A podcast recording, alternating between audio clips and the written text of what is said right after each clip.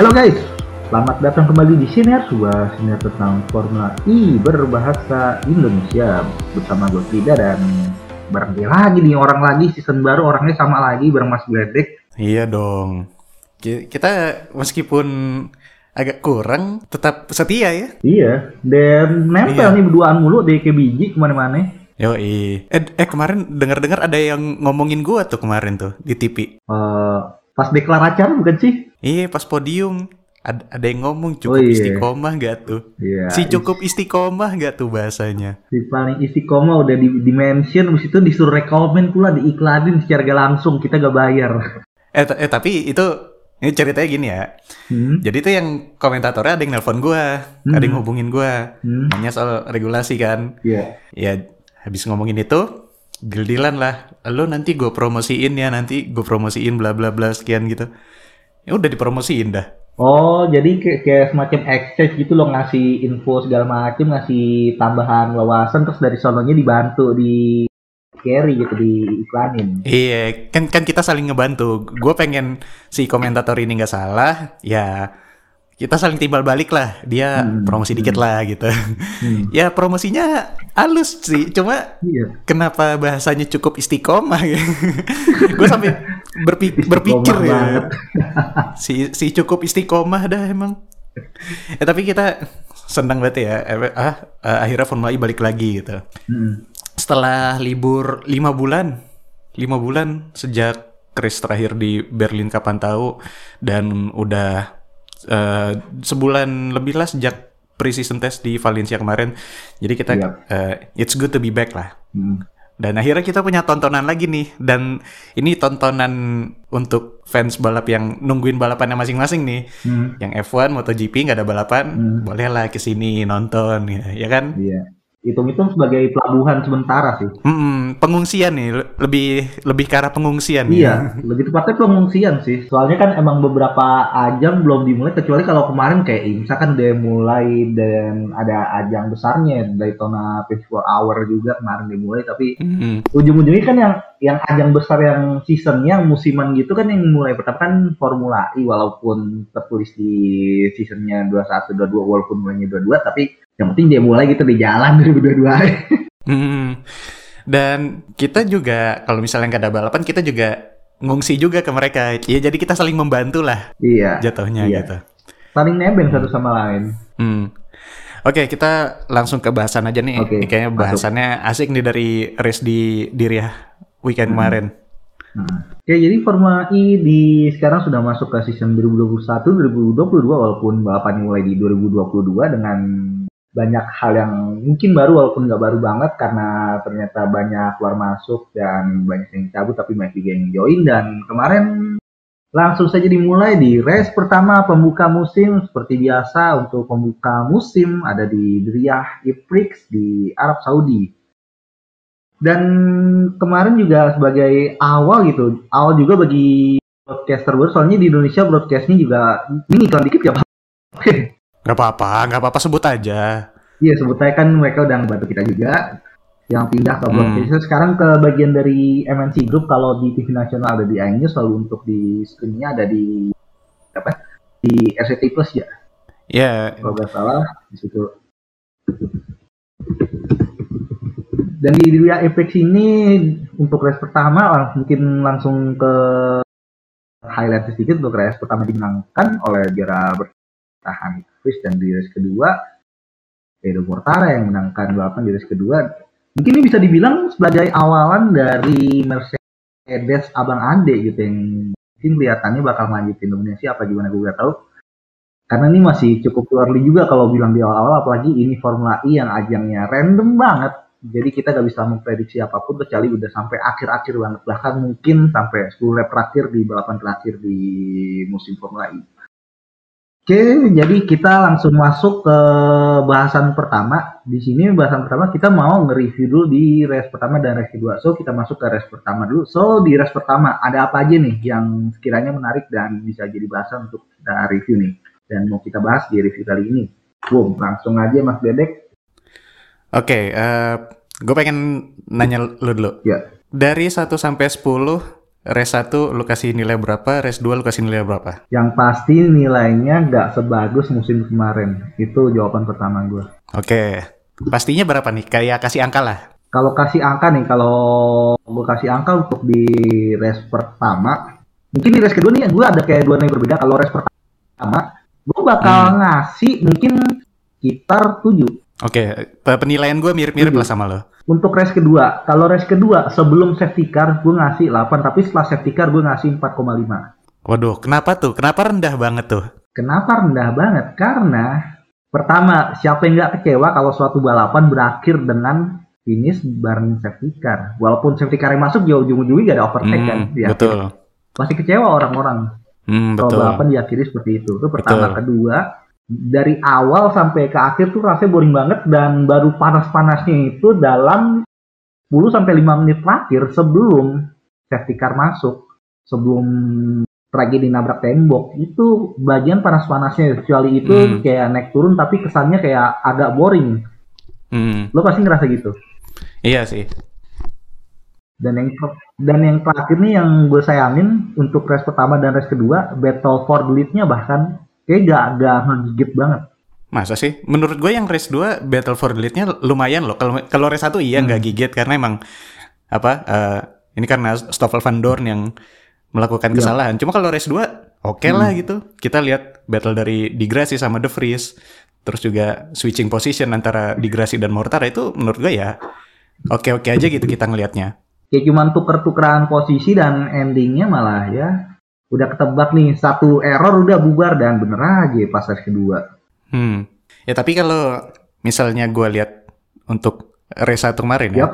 Race 1 kemarin ini lebih ke soal strategi sih. Lebih uh, permainan strategi attack mode terutama. Terus juga yang perlu kita poinkan di sini adalah ini merupakan race di mana Mercedes menunjukkan performa yang apik. lagi-lagi Mm, lagi-lagi masih kebawa dari musim lalu gitu. Ya, jadi seperti kita tahu si Nick De Vries juara dunia musim lalu, mereka dia langsung ke depan, eh, dia start ketiga kan. iya Kemudian Jack Dennis kedua, eh, yang pertama Stoffel Van Dorn.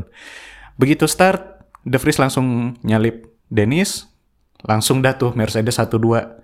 Bisa dibilang 1-2 terus lah sampai finish balapan lah ya Mercedes. hmm, aman satu dua Hmm. Tapi yang mungkin agak disayangkan kesalahan Mercedes satu-satunya itu cuma Stoffel Van Dorn yang gagal nyalain attack mode kedua itu. oh iya itu yang kelewat mungkin eh, fansnya Stoffel Van Dorn pasti nyesek tuh. Aduh, kenapa kenapa nggak aktif gitu? Sia-sia gitu gua ngebuang waktu Hmm. gitu. Nah, sementara Jack Dennis ini untuk race 1 finish ketiga. Dan menurut gue strategi Jack Dennis untuk balapan di di Ria kemarin itu kurang mulus, terutama setelah safety car dan saat uh, fase attack mode kedua. betul Jadi ceritanya habis safety car, Lotterer yang di posisi keempat itu melakukan undercut ke Jack Dennis dan berhasil. Dia eh, si Jack Dennis ketika nyalain attack mode dia keluar di belakang Lotterer dan Lotterer masih di depan sampai attack mode-nya Dennis habis. Jadi secara apa ya? ka- kalau bahasa Inggrisnya tuh kayak net net position ya Hmm? itu Lotterer unggul di depan gitu. Ini membuat Jack Dennis kalau mau balik ke posisi tiga lagi harus berhadapan dengan Andre Lotterer yang defense-nya mantep ya. Kalau nggak kita bilang Iya. keras gitu. Dia nempatin posisinya selalu nyusahin orang yang di belakangnya. Mm-mm.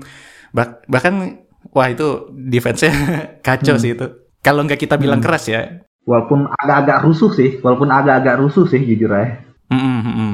Padahal menurut gue kalau misalnya Jack Dennis nggak kehalang Lotterer, dia mungkin banget dia apa berkesempatan untuk maju ke depan dan melawan dua mobil Mercedes. Apalagi dari data lap time yang gue lihat, Jack Dennis ini lap time-nya bisa mengimbangi lap time-nya Mercedes ini. Iya. Jadi kalau misalnya nih nggak kehalang sama Lotterer nih, nih Dennis mungkin yang menang nih kemarin. Bener. Sebenarnya kurangnya di situ aja sih Jack Dennis. Tapi kita lihat Jack Dennis kemarin bagus banget sih. Dari awal kualifikasi sampai race itu performa emang bagus banget. Hanya aja ada faktor Andre Lotterer nih yang yang ngalang-ngalangin gitu. Berarti masih valid lah istilah rusuh papan tengah walaupun nggak di papan tengah banget pas dia kejadian bikin rusuhnya tapi intinya rusuh-rusuh juga bikin rusuh deh kemarin. Dan terbukti yang kena rusuh Jack Dennis. Iya. yeah.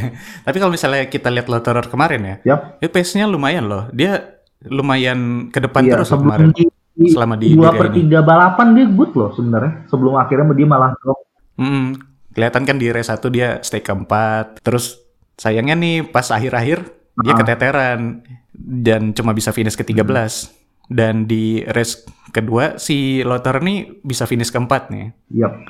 Jadi menurut gua kayaknya ada yang salah dengan Porsche ke Lotterer pas race 1. Mungkin strateginya ngabisin baterai di awal gitu. Tapi ya kita tahu sendiri kalau terlalu banyak ngabisin di awal nanti di akhirnya ya keteteran. Apalagi ngelawan Jack Dennis tuh.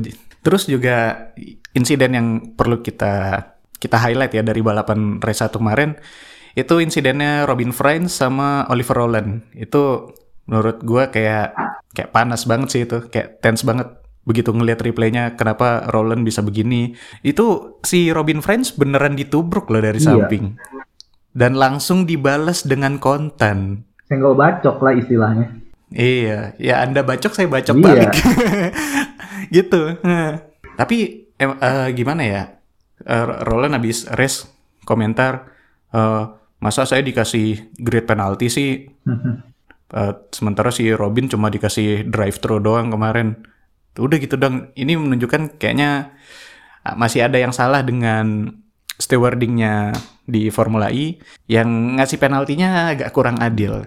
Ya cuma kan namanya juga manusia kalau ngasih keputusan masih ada salah-salahnya gitu ya lah ya.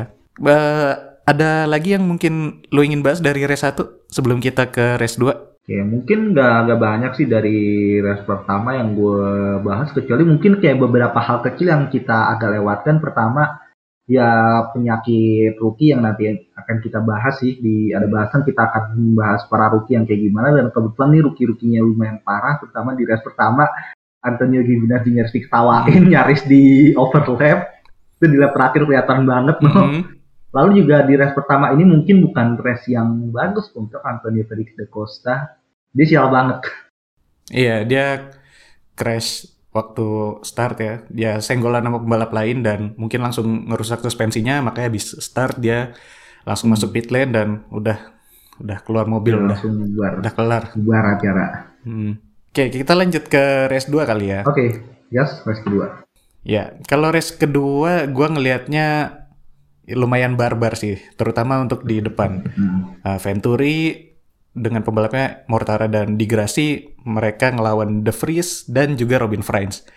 Yang mantep sih ini sih performanya Digrasi kemarin Iya, karena abi, waktu attack mode kedua dia langsung bisa ngacir ke depan, bisa merapat ke De Vries dan langsung nyalip sampai senggolan Hmm. itu. Ada ada fotonya tuh, fotonya keren banget itu. Mungkin fotonya jadi thumbnail episode ini kali ya. Karena itu fotonya keren banget. Menarik. Foto De Vries sama Digrasi itu samping-sampingan dan wah keren lah pokoknya fotonya. Eh, setelah Digrasi nyalip De Vries, kemudian Mortara lewat, mereka tim game nih.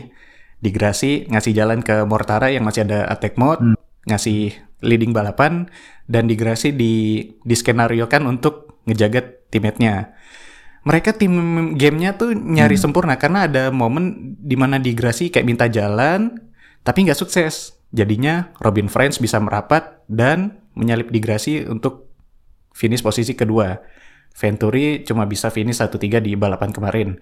Andai saja Venturi bisa saling jaga ego masing-masing eh, untuk kedua pembalapnya atau enggak kerjasamanya dibenerin, pasti mereka bisa deh finish 1-2. Hmm. Cuma sayang banget itu. Hmm. Sementara Nick De Vries waktu race kedua waktu habis disalip di Grasi dia nurun nih pelan-pelan nurun puncaknya begitu mau disalip Jan-Erik Verne ya Iya. kan dia dari posisi keempat dia langsung turun ke posisi posisi ke 10 dalam 3 4 tikungan ini kayaknya kelihatan parah banget gitu nah kemarin dia ngeluhnya mereka nggak sekencang hari Jumat kemarin. Ya itu ada benernya. Tapi strategi attack mode-nya juga telat, makanya Friends bisa lewat kemarin. Habis attack mode kedua. Habis itu berhadapan lah sama Fern, senggolan, turun deh. Uh, sepertinya kalau dilihat dari strategi yang diterapkan kemarin, dari attack mode-nya lebih ke reaktif gak sih? Mereka kayak terlalu menunggu lawan untuk ngambil, lalu mereka ngambil setelah lawan yang ngambil. Iya, ini juga tergantung di mana posisi lawan tersebut. Kalau misalnya lawannya di belakang, terus ngambil duluan, jatuhnya undercut. Kalau misalnya yang di depan ngambil duluan, ntar ketinggalan yang belakang.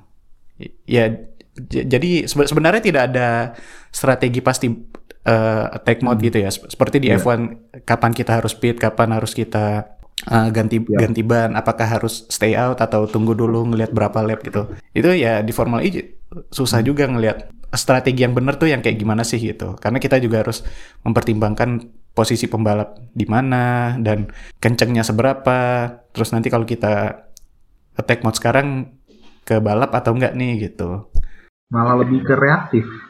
Hmm, race di Diriyah kemarin nih banyaknya soal strategi yeah. sih yang yang kelihatan hmm. gitu.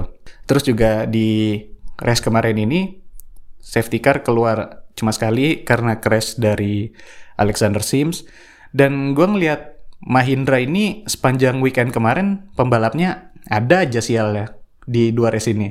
Di race satu Roland ditabrak, di race kedua gantian temennya yang nabrak jadi kayak gantian hmm. sial kayak gitu gua ngelihatnya gimana pandangan lu atau ada apa uh, untuk di race kedua yang kemarin kalau dari pandangan gue mungkin ini bukan race yang bisa dibilang sebagus tahun kemarin. Dan pasti kalian semua setuju dan seperti yang gue bilang di awal kecewa juga karena bagaimanapun finishnya keadaan finishnya gitu under safety car.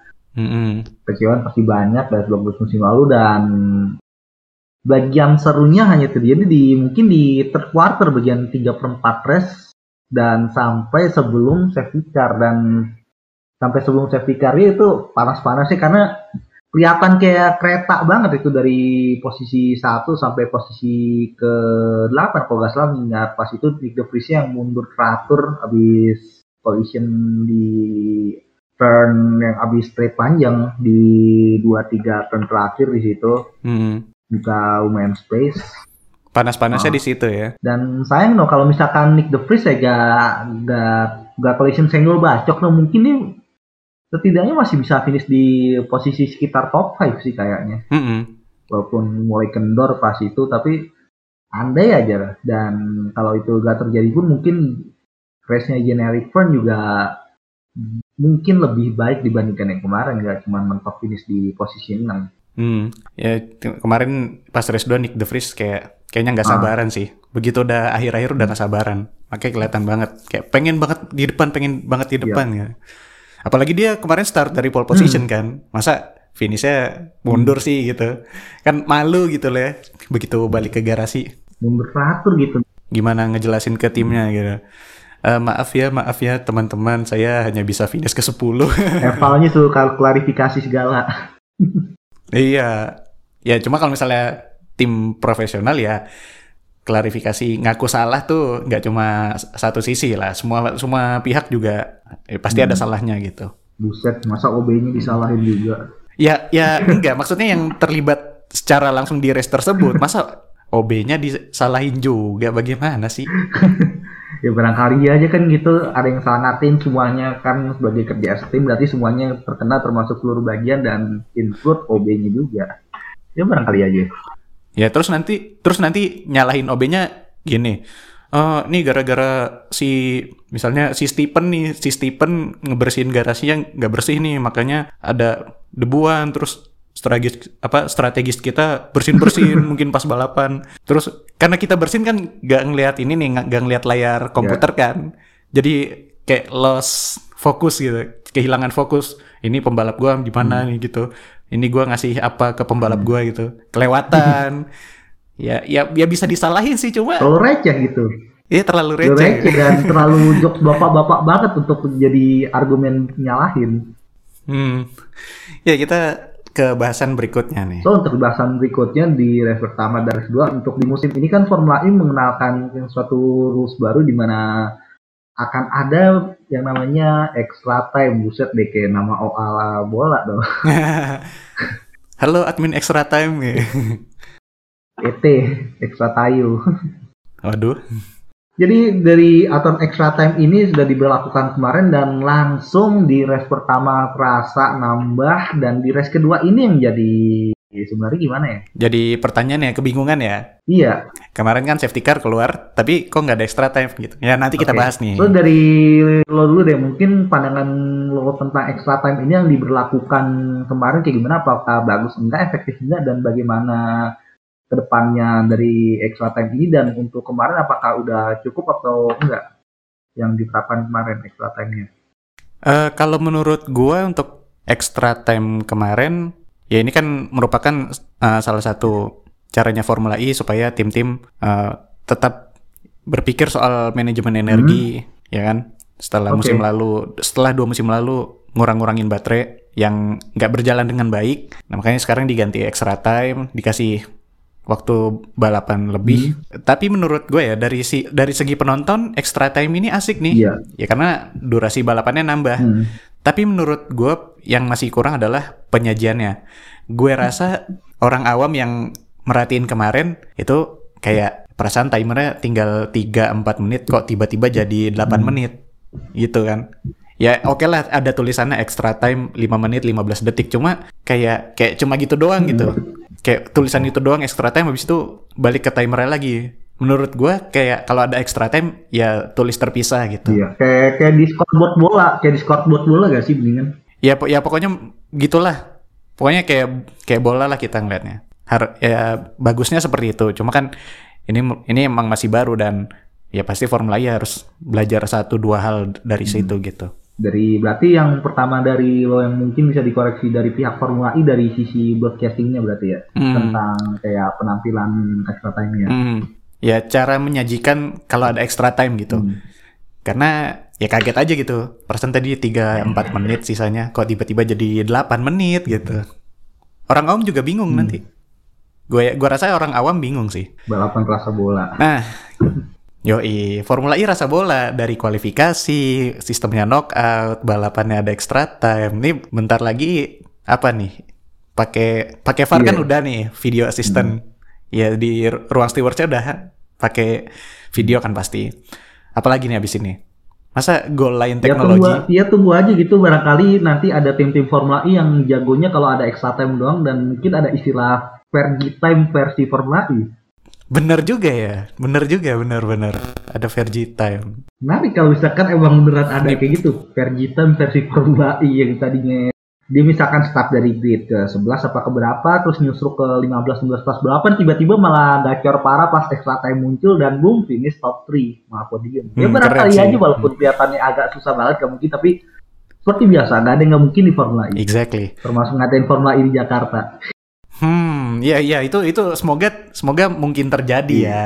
Udah udah Semoga fix itu terjadi mungkin tinggal terjadi. nggak tahu nih udah jalan apa enggak karena masih apa bulan waktu yang dijalankan untuk bikin track segala macam dan persiapan segala macam. Yang pasti lo Hmm. dateng nggak nih? Ya dateng dong, usahain dateng. Cuma kan manusia manusianya bisa berencana, sisanya ya nunggu waktu lah. Tapi ya gue gue pasti pasti datang, Iya. pasti pengen datang. Ya masa masa balapan di negeri sendiri nggak Iya. didatengin gitu. Apalagi balapannya yang kita Hmm. cover kan. jadi bagian langsung gitu. Hmm. Kayak rasanya kurang banget kalau kita udah bertahun-tahun gitu kasih berita masa giliran ada di tempat sendiri Iya betul. lo kok nggak dateng. Mm-mm. Oke, ke bahasan selanjutnya kali ya. Mungkin teman-teman ada yang berpikir, kenapa sih pas race 2 kemarin nggak ada extra time padahal safety car keluar? Nah, Nah, gitu dia pertanyaan yang pengen gue tanyain juga kalau sebenarnya. nah jadi di sporting regulationnya Formula E, tepatnya di artikel 33.9, itu menyebutkan kalau full course yellow dan safety car, eh, ya full course yellow dan safety car terjadi pada setelah atau melebihi menit 40 balapan, maka extra time-nya langsung hilang. Gitu. Singkatnya seperti itu. Sementara untuk kasus kemarin, yang terjadi adalah melebihi safety car keluar pas menit 32 apa 33 gitu. Kemudiannya keluarnya lama bahkan udah tinggal finish aja gitu. Jadi nggak ada extra time kemarin. Nah, Jadi kata kuncinya adalah uh, melebihi karena di tulisannya di regulasi tulisannya extends into minute 40 of the race. Mm -hmm. ya, makanya uh, extra time gak masuk. Kalau misalnya safety car-nya apa balik lagi ke pit sebelum menit 40, maka nanti ada extra time. Nah, kayak gitu konsep kerja extra time-nya. Detailnya itu. Tapi kan dari kasus yang kemarin kan dari terjadinya rest berhenti yang bisa dibilang berhenti masuk safety car sebelum menit masuk lima menit terakhir kan itu juga yang jadi inti masalah kenapa banyak orang yang pertanyakan kenapa extra time nggak ada sebenarnya itu sih. Ya emang aturannya hmm. seperti itu. Kan balik lagi kalau misalnya full course yellow atau safety car-nya terjadi pada setelah atau melebihi menit 40 balapan ya nggak ada extra time. Dan yang terjadi itu kan sudah dimulainya dari sebelum menit kelima. Nah, artinya sebelum lima menit terakhir balapan. Betul, betul. Cuma kan safety car-nya hmm. lama. Dan, dan safety car juga dia turun loh sebelum 5 menit terakhir balapan tuh. Hmm, -hmm. Cuma kan lama. Hmm. Jadi kan kasusnya kemarin itu extends into kalau bahasa hmm. Extends into minute 40 of the hmm. race. Nah, makanya safety car apa nggak ada extra time kemarin. Gitu. Ini gue bela-belain baca regulasi biar penonton paham. Gue bersyukur gue bisa memahami bahasa Inggris supaya yang kayak gini-gini nih. Coba regulasi bahasa Jerman. Enggak, kalau di regulasi bahasa Inggris sama bahasa Perancis. Hmm. Gitu. Uh, ngomongin ini ya, yep. finish di belakang safety car. Beberapa orang gue lihat di sosmed berpikir finish yang race 2 kemarin itu merupakan finish di belakang safety car yang bener yep. gitu. Bukan disisain satu lap demi rating TV kayak balapan apa gitu saban hari ya. Dia sebut nama aja Evan kemarin sampai bikin ribut. Iya, ya gimana menurut lo tuh? Itu merupakan finish yang benar nggak yang kayak gitu? Ah gimana ya? Situasional sih sebenarnya. Soalnya kemarin pas sebenarnya kemarin udah kelihatan banget tuh. Itu waktu timer udah habis, sisa satu lap. Hmm. Safety car itu dia lainnya itu kelihatan siap-siap mau masuk. Lo, lo lihat lagi, dia udah siap-siap mau masuk gitu sebenarnya. Cuman hmm karena mungkin dapat dapat dari director apa gimana ini kerennya belum fully balik ke tempat asal nih dia masih di track ini jangan deh mending lanjutin satu enam satu lagi extend extend durasi mm. kelihatannya gitu sih kelihatan loh kemarin kayak dari safety car kelihatan pengen in this lap di lap terakhir itu udah ngambil ancang-ancang buat masuk. Mm. iya. Akhirnya malah digocek nambah satu lap. Dan kita finishnya ya finishnya finishnya sebenarnya finish kayak biasa. Cuma kan aturan balapannya kalau misalnya sebelum kontrol lain atau yang kita sebut sebagai finish line kalau misalnya belum nyampe situ ya nggak boleh nyalip gitu. Nggak boleh nyalip kecuali kalau misalkan yang depannya ada trouble mesinnya meledak apa mau apa mogok apa gimana baru bisa karena situasional. Mm -hmm. Oke kita ke bahasan selanjutnya ya Aduh, bahasan selanjutnya ini berarti masalah yang bikin race kedua ini jadi empat banget sih sebenarnya.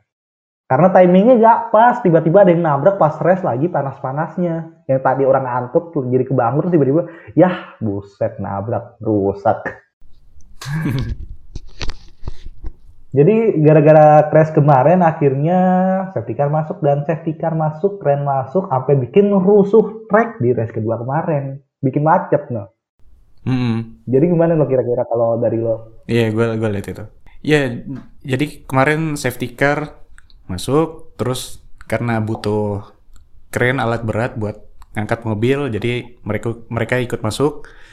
Uh, ini sebenarnya kemarin agak deg-degan ya ngelihat keren masuk tren, eh masuk tren lagi, ngelihat keren masuk track. Hmm. Nah itu, ngelihat keren masuk track, ya itu momen yang mungkin agak bikin was-was gitu ya, terutama jika kita ngelihat dari sebuah kejadian di tahun 2014 ya ada masih ada rasa iya. was-wasnya lah gitu.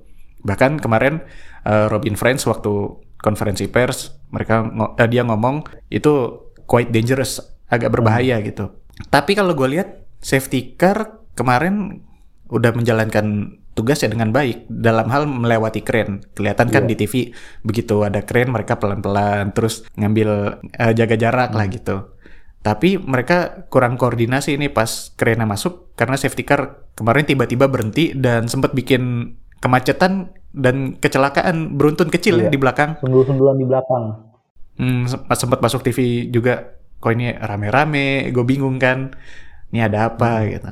Ya itu karena safety car-nya berhenti mendadak, begitu lihat ada keren, Ya, jadi ya, ya, ya karena berhenti mendadak semuanya di belakang berhenti juga dong gitu.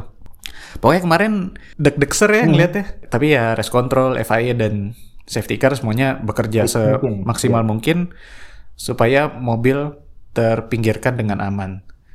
Terus kemarin kayaknya mungkin ada yang berpikir kenapa balapannya nggak di red flag aja sekalian gitu. Ya pasti adalah ada yang berpikir ini kenapa nggak di red flag aja gitu. Nah kemarin si race director Formula E si Scott Elkins dia bilang kalau misalnya kecelakaan di sini ke- kecelakaan di tempatnya Alexander Sims kemarin eh, itu ngeberesin mobilnya 4 menit beres katanya gitu. Tapi yang terjadi adalah ngaret beresin mobilnya gitu. Jadi ya mau tidak mau harus tetap dipaksa dan ya yang akhirnya finishnya yang seperti kita lihat kemarin. Kentang. Hmm, finishnya kentang. Finishnya kalau digoreng enak gak tuh? Kan kentang. Eh, gorengnya gimana dulu nih kalau sampai gosong yang enggak? Eh benar Kan benar benar benar benar benar benar benar. Oke. Oke, kita ke bahasan selanjutnya aja kalau gitu. Jadi dari kemarin yang udah problem banget non safety car sama kerennya yang bikin rusuh walaupun sempat bikin ngeri dan respon ada beberapa driver termasuk generic fan yang responnya Hmm, lumayan ngomel juga di tweetnya dia gara-gara balapan keren sebar karena ya balapan dia juga hancur juga loh gara-gara keren masuk terus juga pas banget dia lagi di straight itu yellow flag itu pas banget dia lagi nyalain fan bus dia nyalain fan bus langsung yellow flag ke yellow flag iya, ya Iya. nyesel sih itu. langsung dua orang sekaligus Hmm, fan bus pencet yellow flag land back gitu ya. dan setelah kemarin mungkin kita kembali lagi ke masalah something new dari Formula E di musim ini. Kalau tadi kita udah bahas extra time, sekarang kita bahas satunya lagi yang kualifikasi. Yang sistemnya kayak sistem gugur di bola, sistem knockout kayak berfase ronde-ronde gitu. Hmm, betul. Jadi kalau dari lo sendiri pandangan dari pandangan lo tentang sistem kualifikasi baru ini kayak gimana? Em, awalnya gue agak skeptis ya, terutama ini durasinya bakal lama nggak ya, dan ini orang awam bisa ngikutin nggak ya. Tapi setelah gue nonton langsung, ternyata asik juga loh. Gue sampai belum pernah se-excited ini buat nonton kualifikasinya Formula E, terutama untuk bagian duels ya. Dan kita juga bisa lihat siapa yang emang kenceng dan konsisten untuk uh, one lap pace, dan siapa yang di bawah. Ya, apalagi format duels ini one shot qualifying kan, satu kesempatan doang. Yep. Kemudian yang jadi pandangan gue berikutnya adalah cara Formula E menyajikan sistem kualifikasi baru ini juga udah oke lah. Terutama di bagian grafik yang jarak pembalap berapa detik di track bagian ini. Terus juga yang split screen dua mobil itu menurut gue keren sih. Yang yang satunya delay, yang satunya live itu itu menurut gue keren. Meskipun harusnya pakai onboard camera ya, pakai kamera yang di mobil bukan kamera yang di track. Sempet sih Formula E ngasih split screen dari onboard, cuma sayangnya itu bukan di final. Kalau di final itu menarik sih. Apalagi pas kualifikasi race 2 tuh, waktu De Vries sama Mortara di final. Itu bedanya tipis banget sih itu. Hmm, kayaknya kalau misalkan dari onboard bisa cuman kayaknya kalau dari onboard ya balik lagi ke bagian broadcasting sampai bagian edit kayak gak sempet itu buat ngedit. Iya sih benar, karena karena gak sulit juga kan ngepasin ini mobil pas di garisnya nih bisa nggak nih dilakukan dengan cepat gitu. Buat timingnya ngatur di OBS. Hmm, ya timingnya bakal susah juga sih, ya benar juga sih. Ya it- itu jadi tantangan lah buat Formula E bagaimana menyajikan qualifying duels ini dengan baik untuk penonton Yap. gitu. Tapi eh selama kualifikasi yang baru ini, gue ngelihat Robin Friends, Andre Lotterer sama Oliver Rowland ini one lap pace-nya menarik deh. Karena mereka bertiga itu selama di Diriyah kemarin itu mereka masuk duels terus. Hmm. Begitupun dengan mobil-mobil mobil-mobil bermesin Mercedes, si Mercedes pabrikan sama Venturi. Itu kelihatan banget mereka pace kualifikasinya bagus banget dan cukup konsisten ke- di depan. Mercedes abang adek lah. Mercedes abang ade nggak tuh? Kalau Mercedes abang apa? Mercedes abang ade itu cabenya bisa 100 gak? Waduh, gimana ya? Cabai 100 karetnya berapa nih? Mau kasih karet berapa nih? Karetnya ya banyak lah. Ya gue kira lu ngerti tempat makan mie yang cabenya 100 itu. gue taunya tempat mie yang rame digebukin sama ojol. Waduh, waduh. Oke kita lanjut ke bahasan berikutnya aja kalau gitu. Oke, daripada kita ributnya yang sempat ribut sama ojol, tapi kalau mau beli silakan beli di provider makanan yang ngasih diskon 60% mulu, walaupun gue dikerjain gitu kasih 60% aja, boy, balikin diskon gue, boy. Kagak jujur gue kesel. Gue gue udah ngeklaim itu bener-bener ngeklaim kelihatan pas gue mau pakai tuh nggak bisa dulu kayak gitu tuh aplikasi oren-oren tuh ngeselin. Siapa suruh pakai aplikasi oren-oren? Ya. Ijo dong. Ya hijau gak ada diskon pak. Pelit sekarang. Dua-dua eh pelit banget. Oh iya bener. Masa minimal 80 ribu. Lah gue ke mahasiswa bahkan 10 ribu eh sehari deh rasanya mah udah mewah banget. Kita pindah aja bahasannya dari kualifikasi sekarang pindah ke bahasan satunya ke du Mungkin kita udah cocok nih ngasih julukan kedua tim ini yang yaitu Neo dan juga Dragon yaitu duo Madesu karena emang ya gitu kita gak bisa berharap banyak dari tim ini. Iya emang gitu. Duo Madesu, Neo dan Dragon yang kelihatan masih sama aja bobroknya walaupun oke okay, gak semantep musim kemarin di dua race pertama tapi kelihatan bobrok. Hmm. Masih sama, masih gak sampah banget tapi ya gak gak gak banget lah gak banget gak banget. Hmm. Ya, kalau gua lihat nih mereka berdua ini merupakan dalam tanda kutip korban ya, korban dari format kualifikasi Ya. baru kemarin yang menekankan performa mobil dan pembalap. Kalau musim lalu kan mereka diuntungin dengan grup mereka yang belakangan dan mendapat track bagus, makanya startnya bisa bagus, berpeluang finish bagus. Kayak di diri yang musim lalu mereka ini bisa poin dua tim ini. Sekarang kalau mobil mereka nggak bagus ya kita bisa ngelihat startnya bakal di mana, apalagi finishnya ya belakang-belakang juga. Iya. Terus karena mereka startnya belakang dan tetap di belakang pas finish, intinya dua tim ini dalam tanda kutip merupakan korban dari sistem kualifikasi Ya. baru ini. Setuju. Dan di sistem kualifikasi baru ini kan juga walaupun kelihatannya one shot, walaupun nggak one shot, lebih tepat menjadi kayak hot lap spesialis. Di sini kan lebih ke performa tim dan karena nggak ada semacam keuntungan advantage yang diambil seperti di musim kemarin di musim ini jadi tim-tim yang punya keunggulan di performance akan dapat keuntungan jadi lebih masuk akal disebut sebagai kualifikasi dan korbannya langsung kena ke dua tim adusu ini yang musim kemarin masih kelihatan nyetel di dua balapan pertama di kualifikasinya dan di musim ini hanya doa yang bisa menyelamatkan mereka untuk mendapatkan poin. Betul betul. Ini kayaknya gue mengkhawatirkan dua tim ini akhir musim nggak dapat poin ya. Eh, tapi gue masih ada feeling ini dua tim bakal dapet poin walaupun balapan ini bakal balapan aneh nanti. Balapan rusuh lah minimal. Hmm, Pasti.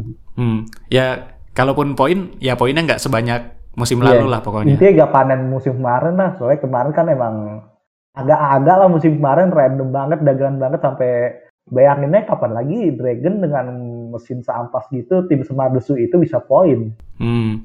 Dan drivernya habis poin malah gak lanjut di FM, fokus di DTM. Terus gak balik-balik. Iya.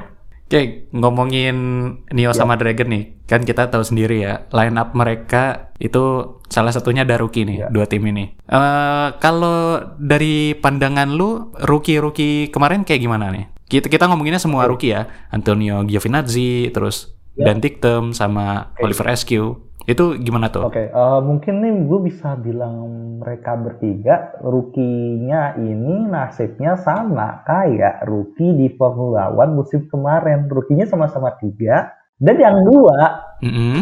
sebagai benar-benar literally pendatang baru ini nggak bisa berharap banyak hasilnya. Ya, hancur. Intinya hancur. Dua hancur. Satu, di race pertama mantep banget. Hmm, Statusnya betul. juga bisa dibilang tanda kutip titipannya melekat kepada mereka, kepada dia nih orang. Mm-mm. Dan juga di race pertama yang dalam tanda kutip titipan ini mantep banget. Jujur mantep banget di race pertama. Apalagi untuk ukuran rookie di Formula E. Walaupun gak rookie banget tapi masih rookie lah. Dan di race kedua juga lumayan oke walaupun masih cukup bagus tapi sayangnya nggak sebagus di race pertama.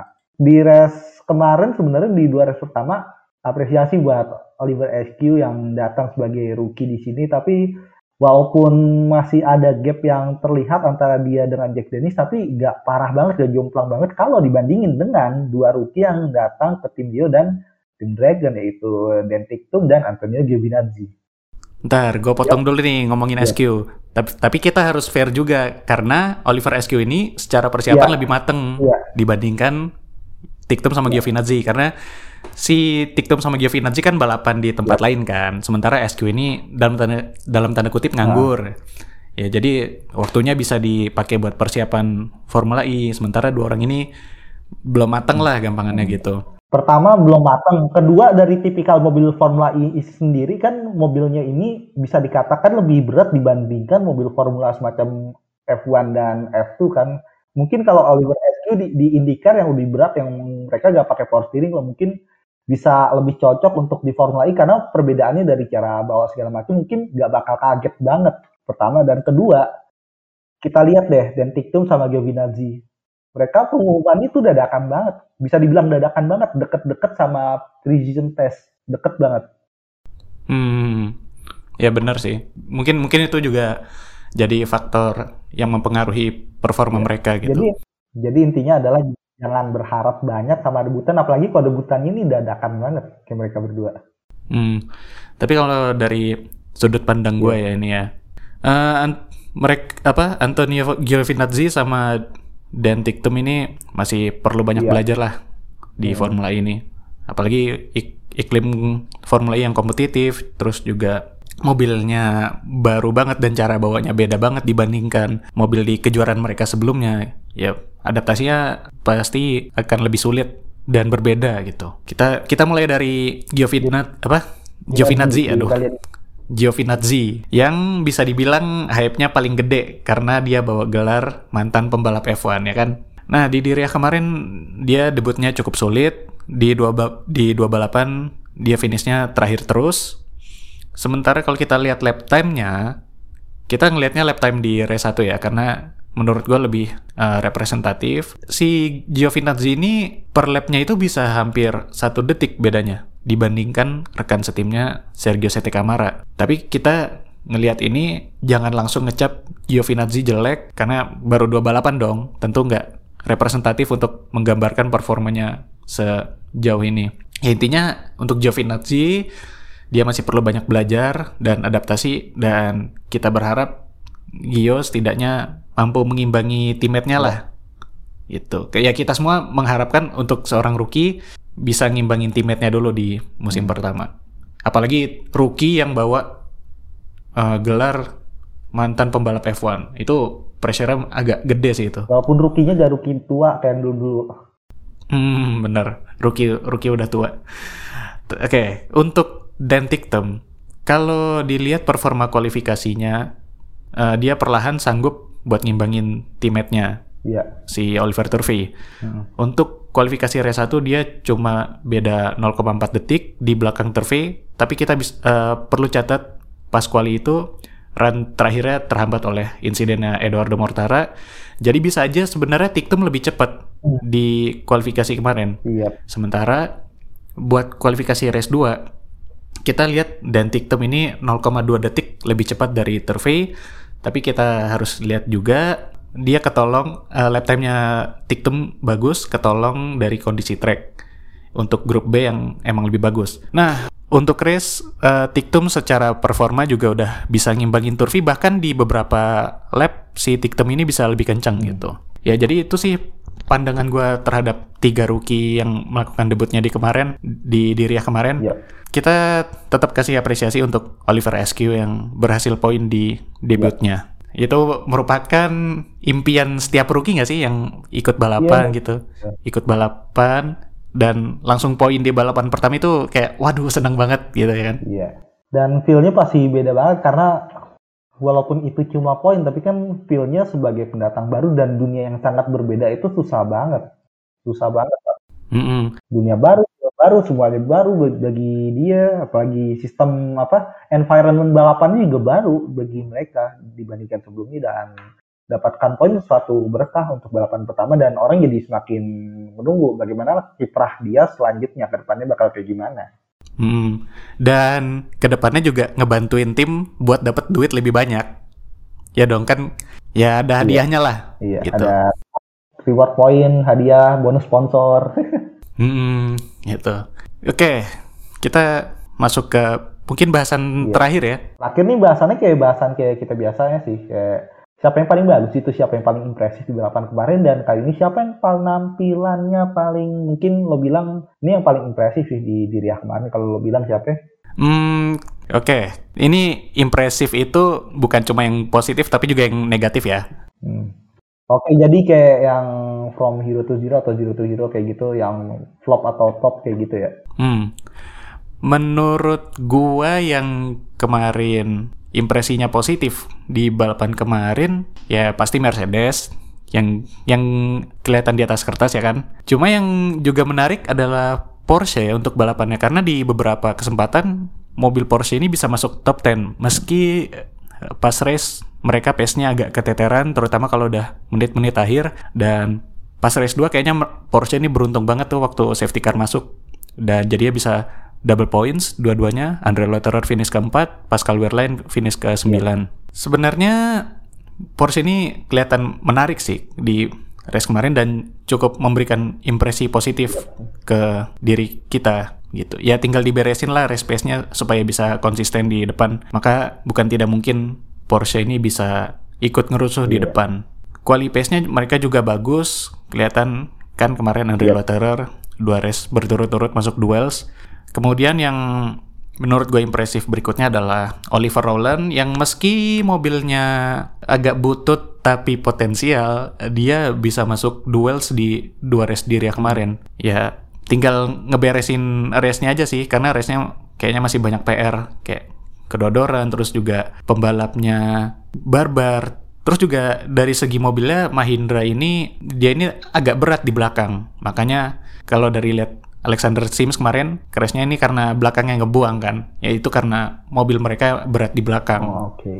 Jadi masih perlu diberesin lah di situ. Tapi karena secara fisik, secara hardware nggak bisa diberesin ya, ya diberesin di tempat lain lah gitu. Kemudian karena tadi gue bilang impresif di sini bukan hanya yang positif, tapi juga yang negatif. Menurut gue yang agak kelihatan kurang kurang ya, agak kelihatan negatif impresinya di sini adalah Nissan sih Betul. pertama, karena mereka nggak poin ya. kemarin. Mereka sepertinya masih kesulitan dengan mobil, mobil mereka. Terus juga yang impresinya agak negatif menurut gue ya adalah di ST Cita.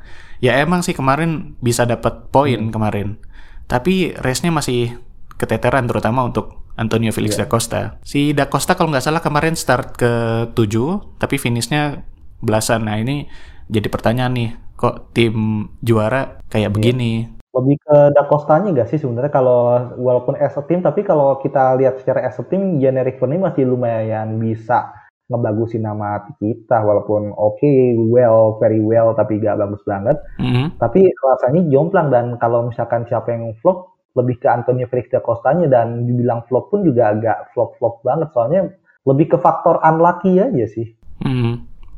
ya itu mempengaruhi juga sih terus yang impresinya negatif kemarin adalah Jaguar dia turun banget di track ini. Musim lalu mereka bisa menang. Uh, mereka musim musim lalu dapat 40 poin. Cuma di race kemarin mereka cuma bisa dapat 13 poin. Jadi sepertiganya doang dibandingkan musim lalu. Dan itu apa yang menunjukkan Jaguar yang menurun di track ini. Karena mereka poinnya cuma sepertiga doang dibandingkan musim lalu. Tapi kita perlu fair juga, Jaguar ini impresifnya agak buruk karena Sambert waktu kualifikasi race 2 uh, eh, agak jelek karena sempat nabrak dan keluar lebih awal sementara Mitch Evans pas race 2 dapat penalti karena nggak pakai attack mode kedua. Iya. Sebenarnya kalau misalnya dua hal itu tidak terjadi, mungkin impresi kita terhadap Jaguar agak mendingan sih. Jadi ini faktornya bukan karena faktor yang terjadi track, tapi lebih ke situasional yang terjadi sama Jaguar sih kenapa end resultnya jadi kayak gini. Hmm. Ya, ya Jaguar lumayan flop sih. Hmm. Kalau boleh jujur nih, kalau misalkan kayak mungkin kayak top sama paling flop, kalau as a driver mungkin lo paling ngasih yang paling hmm. impresif siapa dan paling flop siapa kalau as driver kan tadi kalau tadi kan as a team kalau ini as a driver. Oke, okay, kalau as a driver, gua berpikir um, siapa ya? Robin Friend sih mungkin karena kualifikasinya bagus, masuk duel terus, dan di race juga oke okay gitu, terutama untuk race kedua. Itu as a driver ya. Terus kalau driver yang flop, hmm, Nick De Vries mungkin salah satunya. Iya. menang. Karena dia udah bagus di race 1, ya emang menang di race 1. Cuma uh, dia kurang bisa menjaga momentumnya, jadinya di race 2 dia cuma finish ke 10. Ya malu sih start dari pole finish ke 10 tuh agak gimana gitu. Walaupun karena ada faktor gara-gara senggol bacok sih. Hmm. Dan itu kan salah satunya kan gue bilang, salah satunya Nick DeVries. Yang lain mungkin yang menurut gue flop adalah Oliver Rowland. Ya kualifikasi emang bagus, cuma race-nya agak kedodoran dan di race satu barbar banget. Hmm, sebenarnya yang yang flop yang flop siapa lagi ya kira-kira? Oke, menurut lo aja deh, ganti gantian deh menurut lo gimana nih? Kalau menurut gue, kalau menurut gue sih sebenarnya dari semua driver ada sisi flop walaupun mungkin kebanyakan dari mereka flopnya karena ada faktor unlucky seperti Nick De Vries yang kelihatannya bagus banget sebelum di race kedua malah kelihatan walaupun flop secara result tapi ada faktor seperti apesnya kerasa di dia sejak kejadian yang single bacok sama sama Jan Eric Fern hmm. dia kendor banget turun sampai ke posisi 10 lalu ada Antonio Felix da Costa mungkin Antonio Felix da Costa dari bahkan pas kualifikasi yang lampu udah nyala tapi dia telat keluar tuh mungkin dia pertanda kalau dia bakal apes selama oh iya benar sih di entire weekend dari sejak itu dia pertanda bakal apes nih orang tapi kalau menurut gue nih, kalau menurut gue yang paling top nih sebenarnya malah gue pengen kritik satu orang bernama siapa tuh? Sebastian Buemi. Oh iya. Jujur, tuh flop banget soalnya pertama dia sebagai first hitungannya walaupun dibilang equal sama Max Gun, tetapi dia mau gimana pun juga first driver loh dia senior first driver seorang juara hmm. dunia bahkan walaupun belum ada kata juara dunia di Formula E tapi hitungannya bisa dibilang gitulah udah juaranya. Udah juara. Juara Formula E. tim Buemi. Di Nissan dia hitungannya harusnya nggak carry pabrikan, kan? Hmm. Tapi yang dia dapatkan malah nggak dapat poin dua race.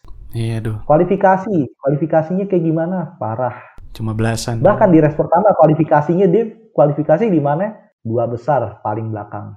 Di belak dibokongin sama Deng Tiktum yang pakai mobil Madesu dan Tikto mobil Madesu lebih cepat daripada seorang Sebastian Buemi. Walaupun si Buemi ada di grup A, tapi kan rasanya kayak ya malu aja banget. gitu. Iya, parah banget, parah banget. Hmm.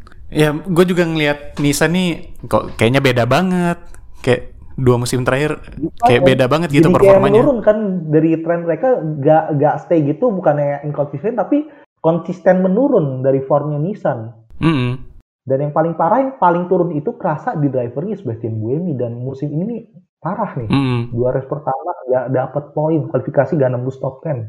Gila. Ini bukan idam siang dulu yeah. ya. Waktu dulu waktu zamannya Renault kayaknya jago yeah. banget ya kan. Begitu masuk Nissan, ya lemes dah.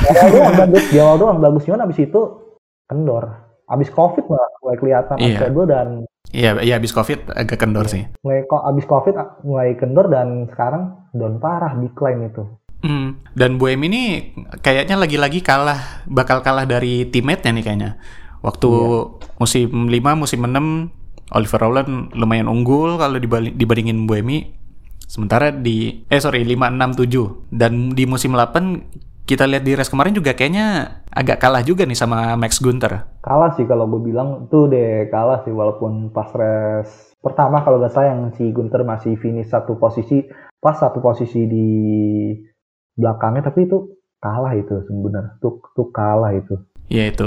Ya pokoknya Sebastian Buemi ini agak aduh ini bukan Buemi yang dulu nih. Iya. Bukan Buemi yang jago. Eh pak, udah beda banget. De hitungannya ah, parah Cuman di race kedua aja itu pun juga ketolong karena safety car di race kedua. Dia finish di atasnya si Gunter Buemi. Not the same Buemi. Hmm. Tadinya gue nggak mikirin Nissan loh karena Nissan karena terlalu di belakang, gue sampai lupa loh ada Nissan di belakang. sampai dianggap sudah gak valid, sampai dianggap udah ada valid ikut FA kayaknya nih. Saking parahnya Nissan. Enggak, ya karena emang meragukan performa gitu. Ya bagus kadang-kadang, sisanya jelek. Habis itu ngompet di belakang. Sampai nggak sadar gitu. Per, apa perhatian kita tuh di depan mulu di uh, Mercedes, Venturi, uh, Andretti, terus Jaguar. Gue sampai lupa ada Nissan. Oh ya Nissan di belakang. Dia bener juga sih kemarin agak flop mereka di race kemarin. Dan semoga mereka bakal menemukan jati diri mereka yang asli bukan bukan flop lagi nih malah jati diri mereka yang asli karena untuk ukuran idams yang dari season pertama mereka udah bagus di Formula E itu ya banget masa masa nanti akhir musim mau saingannya sama dua tim Adosu iya nggak lucu ya semoga bisa saingan sama Mahindra dulu lah untuk jarak apa jangka ya. pendeknya Seharusnya juga kelasnya bukan Mahindra sih, lebih ke Jaguar. Soalnya Jaguar juga di musim ini kelihatannya bakal agak pincang. Hmm, mungkin mungkin battle papan tengah bawah musim ini kayaknya bakal Jaguar, Mahindra, Nissan mungkin. Ya, tapi kita nggak tahu lah ya bakal seperti apa realitanya karena this is Formula E. Iya. Tidak ada tidak ada yang benar lah, tidak ada yang fix banget. Semuanya bisa terjadi. Tim yang bagus bisa jelek, tim yang jelek bisa Ya. tiba-tiba bagus gitu. Iya.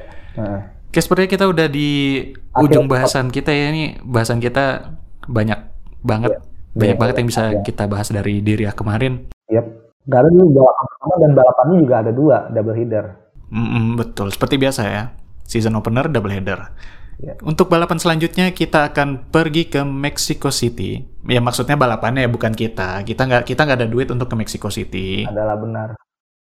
Kalau kita ke sono sebenarnya kita bisa aja, kita bisa aja ke sono, cuman sampai sono kita jadi gembel. Bisa aja. Bisa aja, cuman sampai sono Iya, jadi ya, kita ngegembel di pinggir jalan.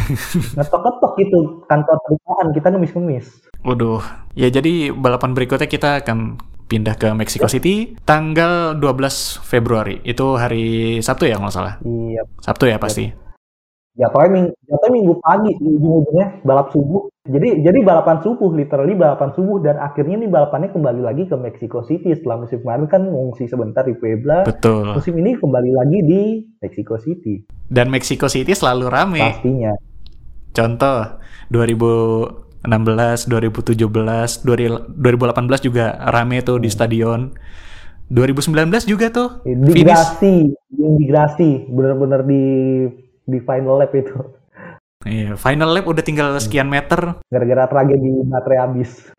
Iya. Ya jadi balapan di City ini patut dinanti. Apakah bakal serame kemarin? Hmm, semoga saja. Karena biasanya seru. gitu kan. Biasanya. Nah untuk nontonnya seperti seperti yang kita bilang tadi, iNews. Nonton di Anyus dan Kalau yang nonton di TV berbayar bisa di SPO TV. Dan kalau yang mau nonton di HP bisa juga nih di aplikasinya RCTI Plus dan yang pakai MNC aplikasi Vision Plus. Oke, ada penutup mungkin dari lo sebelum kita tutup podcast untuk episode, episode kali ini. Oke, gue gak ada kata-kata penutup kayak biasanya kayak di sebelah karena kok itu terlalu eksplisit banget kalau dilempar ke sini.